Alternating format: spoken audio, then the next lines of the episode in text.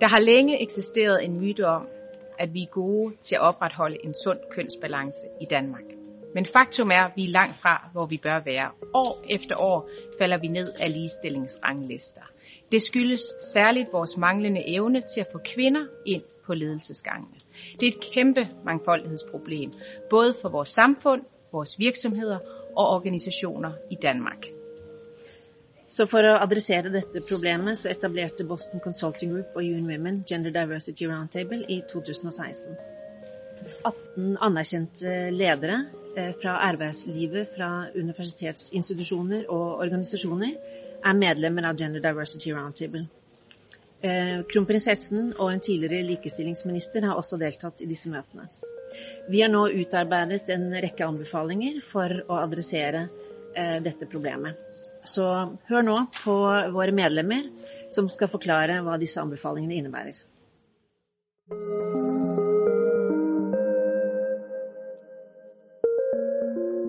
Vi anbefaler en bedre balance i uddannelsessystemet, lige fra de aller yngste børn i folkeskolen til de unge på de videregående uddannelser, vil vi gerne have et opgør med kønsstereotyper og fordomme, så de unge i virkeligheden vælger uddannelse ikke ud fra frygt og rigide normer, men tværtimod kun er drevet af deres drømme, ambitioner og talent. Vi skal undervise eleverne i værdien af mangfoldighed og ligestilling. Vi skal sørge for, at vores uddannelse bliver kønsneutral, og så skal vi gøre noget for, at vi ikke automatisk reagerer, som vi plejer. Altså, for eksempel, hvis barnet bliver sygt, så ringer vi til mor. Vi kan lige så godt ringe til far.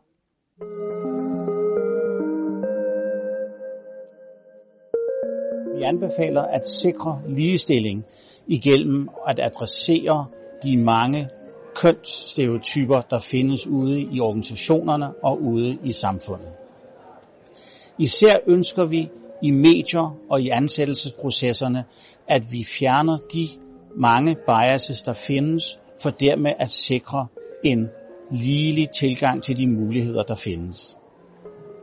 I den verden, vi har i dag, hvor AI og den digitale udvikling sker så hurtigt, er det også afgørende vigtigt, at vi undgår, at nogle af disse gamle kønsforestillinger bliver importeret i de nye medier. Derudover ser vi gerne, at begge køn er repræsenteret i rekrutterings- og forfremmelsesprocesser, og vi opfordrer også organisationer til frivilligt at aflægge beretning omkring kønsbalance og lønforskelle, når de aflægger deres årlige rapporter.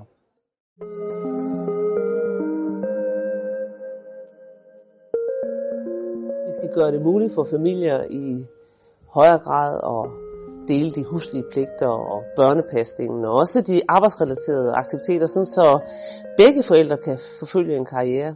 Her så skal vi skabe incitament for en bedre øh, fordeling af børnepasningen og en mere ligelig øh, øh deling af barselsårloven.